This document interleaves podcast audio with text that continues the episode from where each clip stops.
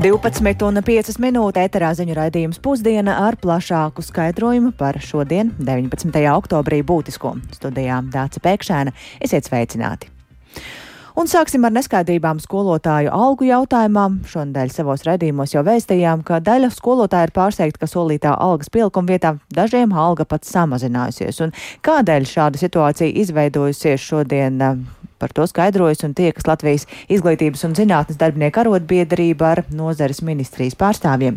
Un sēdē līdzi seko arī kolēģi Agnija Lazdiņa. Viņa šobrīd studijā. Sveika, Agnija, un saka, kā tad ir noritējuši šī sēde un vai atbildes uz šiem jautājumiem ir rastas? Labdien! Jā, tad ņemot vērā pēdējā laikā publiski izskanējušo informāciju, ka vairākās pašvaldībās ar valsts izmaksāto mērķu dotāciju šomēnes nepietiek pedagoģa atalgojuma pieauguma nodrošināšanai un slodžu balansēšanas ieviešanai, tad gan ministrija, gan arotbiedrība tikās un atšķirībā no citām reizēm šoreiz šī tikšanās bija atklāta, proti sekot līdzi sanāksmei un tajā iesaistīties varēja arī izglītības iestāžu darbinieki, pašvaldības pārstāvi un tostarp arī mediju pārstāvi. Tomēr jāatzīst, ka pēc eh, ilgām diskusijām dažbrīd eh, neiz, tās neizklausījās tik produktīvas, cik tās varēja būt, jo šķita, ka arotbiedrība ar ministriju turpināja mētāt pārmetumus un strīdēties par to, vai ir vai nav pareizi aprēķinātas mērķa dotācijas. Un, uh, izglītības un zinātnes ministrija lūdza runāt un uh, paust viedokli konkrētajām pašvaldībām, kas bija šajā sanāksmē, lai stāstītu, kādas tad ir tās problēmas, taču pašvaldības tā arī nerunāja, jo, un, un Vanaga uzsvēra, ka, proti arotbiedrības vadītāja Inga Vanaga uzsvēra, ka sanāksmes mērķis ir bijis saprast, vai viss ir izdarīts un izskaidrots korekti visos līmeņos, nevis meklēt eh, šobrīd kādu konkrēti vainīgo. Un arī Latvijas pašvaldību savienības padomniece izglītības un kultūras jautājumos Ināra Dundura aicināja ministriju izvērtēt, vai viss ir izdarīts, nevis turpināt mētāt bumbiņu no vienas uz, un uz otras puses. Varbūt, mēs beidzot arī uzklausītu otru pusi un nevis uzreiz ar tādiem pārmetumiem, ka lūk, tur ir tas un vēl tas, un līdz ar to tomēr es aicinu izglītības zinātnes ministriju detalizēti izskatīt šos te arotbiedrības analīzi, kur ir kādi normatīvie akti, kuri neatbilst. Mēs zinām, ka mums ir problemātika, mums ir kļūdas 376. Mums ir kļūdas formulās. Un vienkārši izlikties un pateikt, ka viņu nav, tas nav godīgi.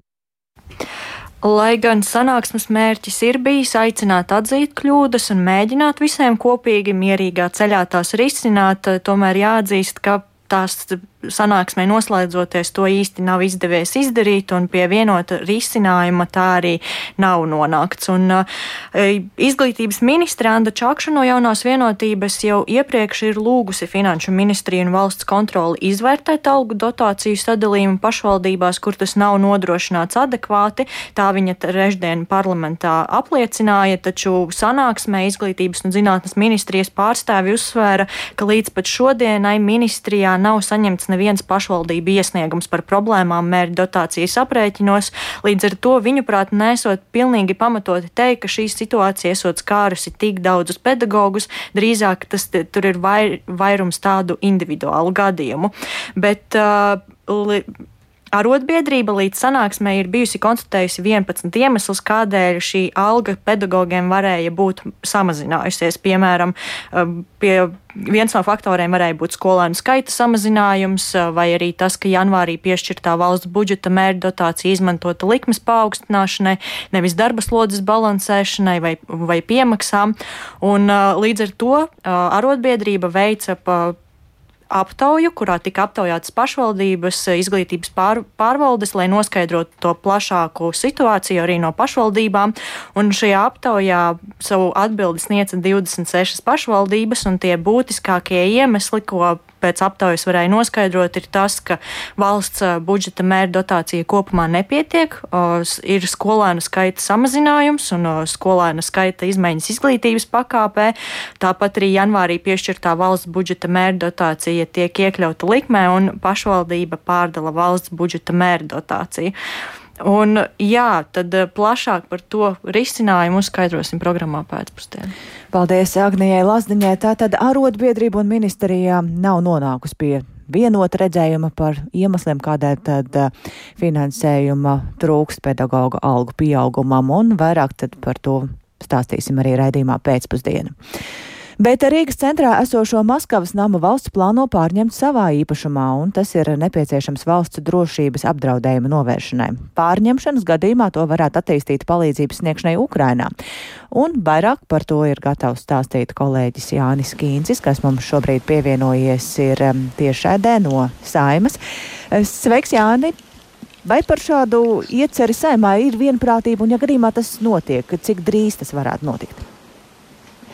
Sveicināti! Par vienprātību varbūt mēs nevaram runāt, taču saimas vairākuma redzējums to visnotaļ apliecina atbalstu šai ide idejai. Šodien gan bija jābalso vien par šīs ieceres nodošanu skatīšanai saimas komisijās. Un šim procesam būtu jānoslēdzas vairāk mēnešu laikā. Pirms šī balsojuma viens deputāts izteicās par likumprojektu, bet viens pret to. Likumprojektu sadarbībā ar drošības iestādēm, ministrijām, ģenerāla prokuratūru un arī Saimnes juridisko biroju sagatavoja Saimnes Nacionālās drošības komisija. Likumprojekta anotācijā ir paskaidrots, ka Maskavas nams atrodas uz satiksmes ministrijai piederoša zemes gabala Marijas ielā 7, un uh, jaunais likums, topošais likums paredz noteikt, ka šī ēka kļūs par Latvijas īpašumu satiksmes ministrijas personā, un pēc likuma stāšanās spēkā septiņu dienu laikā telpas uh, to esošajiem izmantotājiem būs jāatbrīvo. Vienlaikus Vienlaikus paredzēts uzdot valdībai līdz nākamā gada 31. martam saimai sniegt ziņojumu par plānoto turpmāko rīcību ar šo nekustamo īpašumu. Šis varētu būt viens atskaites moments laikā.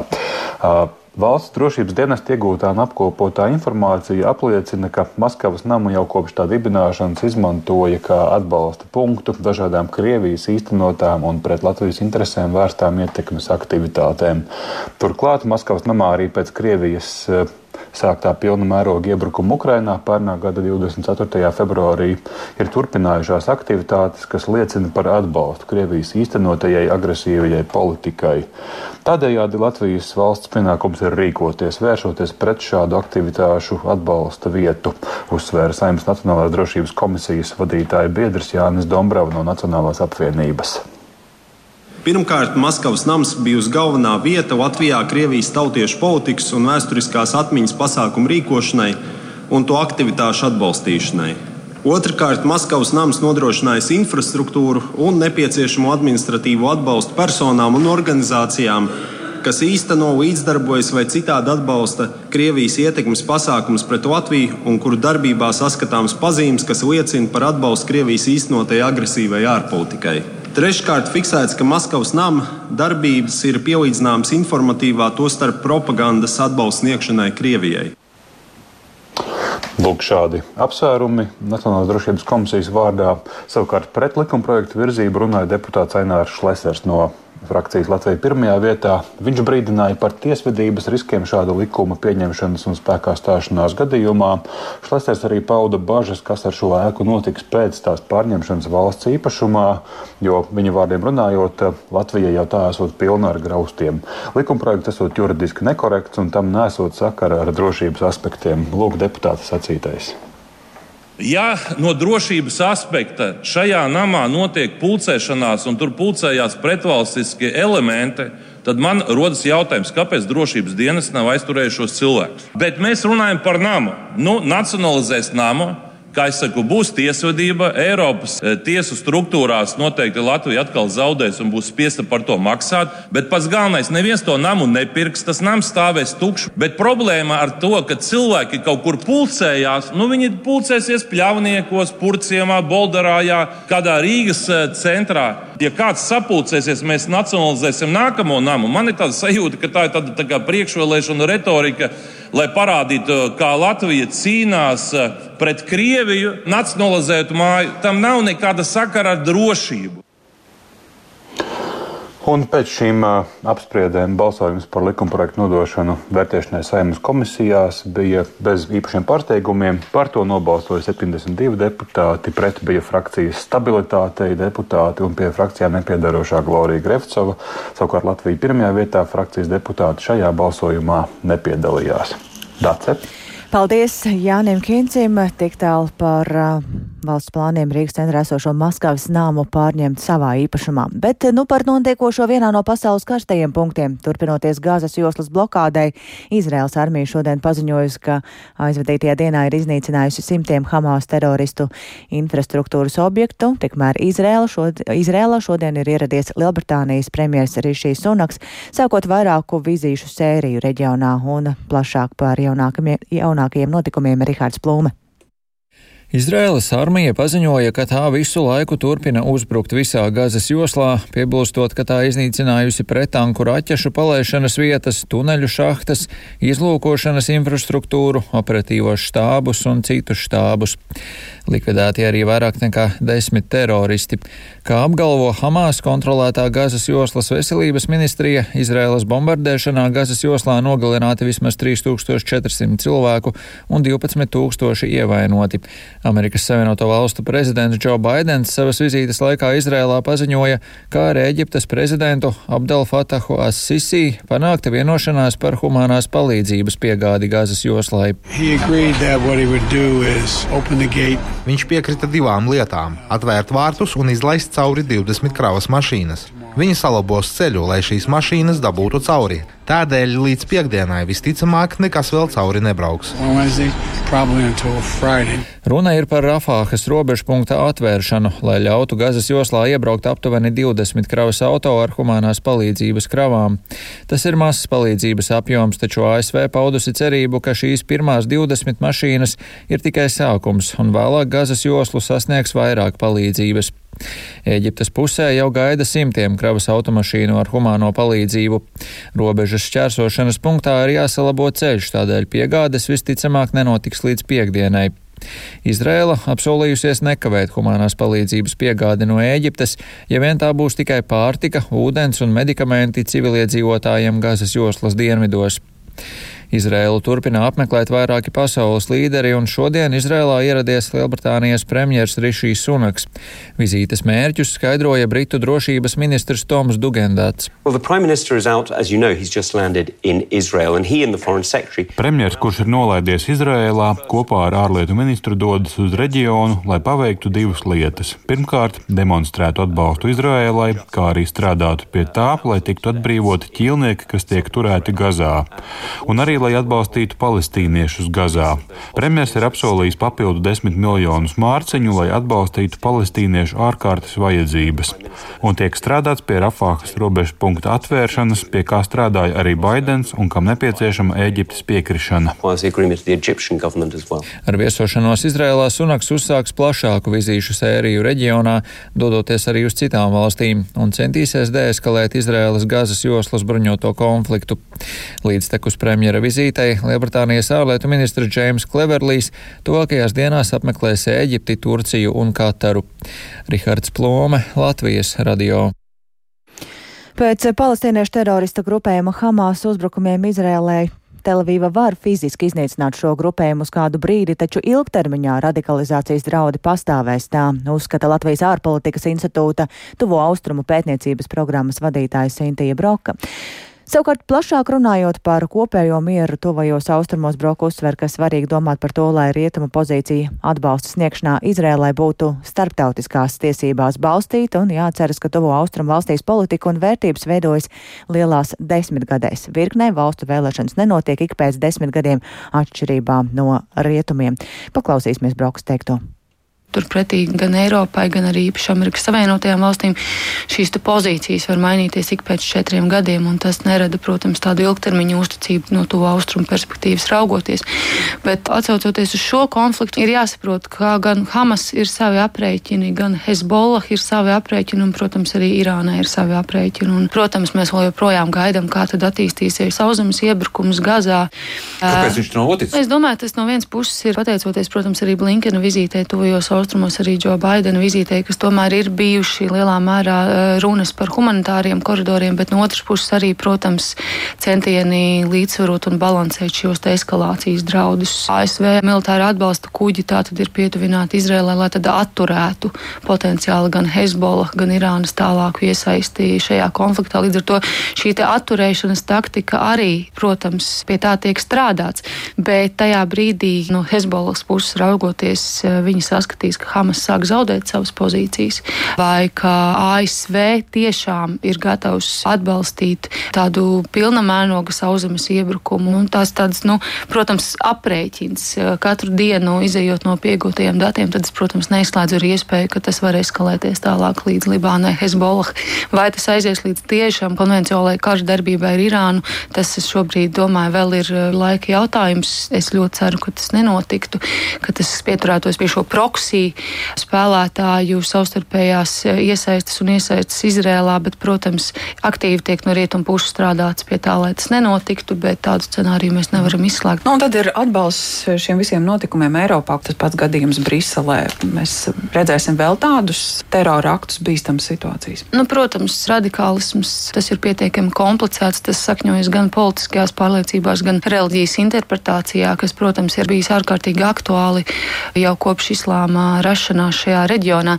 Bet arī Protams, diemžēl šie notikumi Gazā un Izrēlā tie veicina labu augsni arī radikāli orientētiem individiem Eiropā un visur pasaulē. To mēs nevaram izslēgt. Bet tajā pašā laikā atkal ir jābūt uzmanīgiem, kā mēs katru radikālo gadījumu sasaistām ar konkrēto konfliktu Gazā, jo, piemēram, arī Briseles gadījums ļoti lielā mērā tomēr daudz kur saistīts ar Zviedrijas attieksmi pret Korānu, pret islāma reliģiskiem rakstiem. Ja. Līdz ar to tas jau ir jautājums, kas ir bijis aktuāls vēl pirms šī konflikta izcelšanās, bet, protams, mēs dzīvojam pietiekami nestabilā laikā. Radikālisma ideoloģija nav zudusi, un, protams, šāda neviennozīmīga nostāja veido labu augsnī šādas ideoloģijas attīstībai. Diemžēl mūsu drošībai tas nāk par sliktu. Kas ir ārkārtīgi svarīgi, ja mēs runājam nu, par teroristiskiem grupējumiem tuvajos austrumos. Mēs varam iznīcināt iznīcināt fiziski šīs te teroristiskās organizācijas uz kādu brīdi, bet ir pilnīgi skaidrs, ka ilgtermiņā cīnīties ar Hamas mēs diemžēl nevaram, un, protams, šīs radikalizācijas risks turpinās pastāvēt. Tālūk Latvijas ārpolitikas institūta tuvo austrumu pētniecības programmas vadītājs Intība Broka, raidījumā labrīt kolēģiem Martai Skujai un Laurim Zvejniekam. Bet eh, runājot par eh, notikumiem pašmājās, tad valsts kontrole ir izanalizējusi mūsu valstī īstenoto inovāciju atbalsta politiku un secinājumi gana kritiski. Proti, ka Latvija ieguldot Eiropas Savienības fonda līdzekļus uzņēmumu un zinātnieku sadarbībā un uzņēmējdarbības inovāciju attīstībā fokusējas uz atbalstīto komersantu skaitu, nevis uz konkrētu mērķu sasniegšanu, konkurētspējas, produktivitātes un eksportspējas uzlabošanu. Valsts kontrolas revīzijā secināts, ka šobrīd atbalsta programmās nevienmēr ir sasniegts tas, kādēļ tas tiek darīts, un šorīt tā arī Latvijas radio raidījumā labrīt kolēģiem Martai Skujai un Laurim Zvejniekam sacīja valsts kontrolas padomas locekli Inese Kalvāni. Paklausīsimies fragmentu no šī rīta sarunas. Revīzijā mēs secinām, ka visi iesaistītie ir darbojušies, izpildījuši projektu, programmu rezultātus lielā mērā, bet izdevies sasniegt to, kā vārdā un kādēļ mēs to darām. Visi šie ieguldījumi ir, lai mēs būtu modernāki, lai mēs strādātu produktīvāk, lai katrs eh, varētu nopelnīt vairāk un valsts kopumā būtu bagātāka. Šajā jomā mums ir jādomā arī uz nākotni, kā to sistēmu pilnveidot, neapstādinot programmu īstenošanu, kā vēl vairāk iesaistīt uzņēmumus un radīt paļāvību par to, ka ir vērts riskēt, ir pieejams atbalsts un šeit ir nepieciešama rūpīga programmu plānošana un uh, to sasniegšana sasaistīt politikas rezultātiem.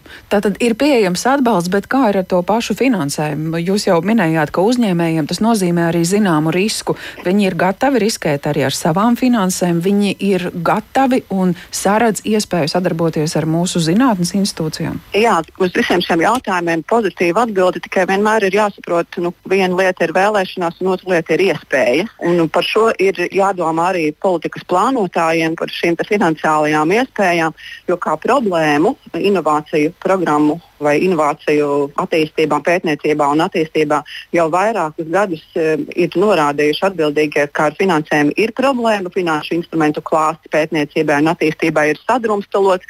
Arī mēs revīzijā secinājām, ka mūsu atkarība no struktūra fondu finansējuma inovāciju atbalstam uzņēmēju darbībā arī ir liela. Un kopumā bez šīm problēmu risinājumiem mums būtu jādomā, kā risināt arī šo Protams, mēs esam arī dzirdējuši, arī uzņēmējdarbības atbalstam inovāciju politikai kopumā finansējums vienmēr varētu būt vairāk. To runājam par daudzām nozarēm. Arī mēs revīzijā tam piekrītam, bet ir jānovērš arī šīs politikas plānošanas problēmas un arī administrēšanas jautājumi. Revīzijā arī redzējām, ka neraugoties uz atbildīgo institūciju pūlēm, veidot dažādus informatīvos kanālus un stāstīt par to, kāds atbalsts ir nepieciešams, joprojām ir uzņēmēju sūdzības par to, ka viņi uzzina par vēlu, uzzina nepietiekami, un šīs sadarbības un saziņas iespējas starp zinātniekiem un uzņēmējiem arī šeit nepieciešami uzlabojumi. Dzirdējām valsts kontrolas padomas locekli Inesi Kalvāni un par naudu arī turpinām. Cik pamatot ir Rīgas namu pārvaldnieku plāni paaugstināt pakalpojumu maksu? To šodien vērtē Rīgas domas deputāti. Par apsaimniekošanu vairāk būs jāmaksā no nākamā gada un vairāk nekā 70% dzīvokļu īpašnieku tas nozīmētu pieaugumu par 8 centiem kvadrātmetrā. Cik tas ir pamatoti? Domē Par to bija plašas diskusijas. Tām sekoja līdz kolēģi Paula Devica. Viņu šobrīd līdzās studijā. Sveika, Paula, un kāds ir tas pamatojums maksas pieaugumam un tīri praktiski, ko tas nozīmētu tādam 50 kvadrātmetru lielam dzīvoklim, divstāp dzīvoklim, piemēram? Jā, labdien, Dārcis, sveicināti klausītāji. Tātad tas pamatojums ir pavisam vienkāršs. Ir, uh, Rīgas nama pārvaldnieks ir iecerējis uh, celt pakalpojumu kvalitāti un arī atalgojumu vairākām darbinieku grupām, kā inženieriem, sētniekiem, nama pārziņiem. Un atalgojums tātad ir arī viena no tādām lielākajām uh, vajadzībām šobrīd atalgojuma palielināšana. Un jā, šis sadārdzinājums attieksies uz vairāk nekā 150 tūkstošiem RMP klientu, un tā tad lielajās daudzdzīvokļu mājās cena par kvadrātmetru vidēji pieaugs no 8 centiem un uh, mazākās, uh, mazākās daudzdzīvokļu ēkās līdz 21 centam. Un tas nozīmē, ka tātad 50 kvadrātmetru dzīvoklim lielā daudzstāvu mājā uh, šī apsaimniekošanas maksa varētu pieaugt pa aptuveni 4 eiro, bet neliela izmēra ēkā tie varētu būt pat 10 eiro un 50 centi. Dace. Par ko tad deputātiem ir iebildumi? Jā, vislielākās bažas deputātiem bija par to, vai nebūs tā, ka iedzīvotāji maksās vairāk, bet nesaņems pakalpojumu pilnā kvalitātē. Deputāti arī dalījās ar vairākām savām pieredzēm saistībā ar Rīgas nama pārvaldnieku, piemēram, gadījumos, kad RMP nav spējīgs uz, uzraudzīt vai sētnieki savu darbu izdara laikā un kvalitatīvi. Un paklausīsimies, ko teica mājokļu un vidas komitejas priekšsēdētājs Edgars Ikstens no vienotības.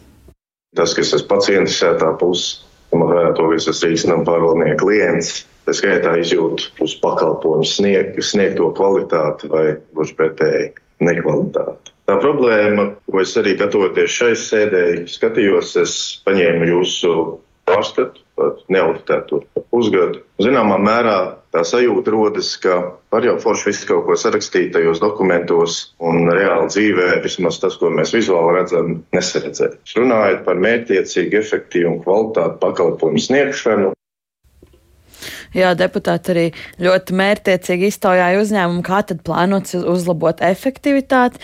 Un uh, paklausīsimies, ko par to teica deputāts Mārtiņš Zvainieks no progresīvajiem.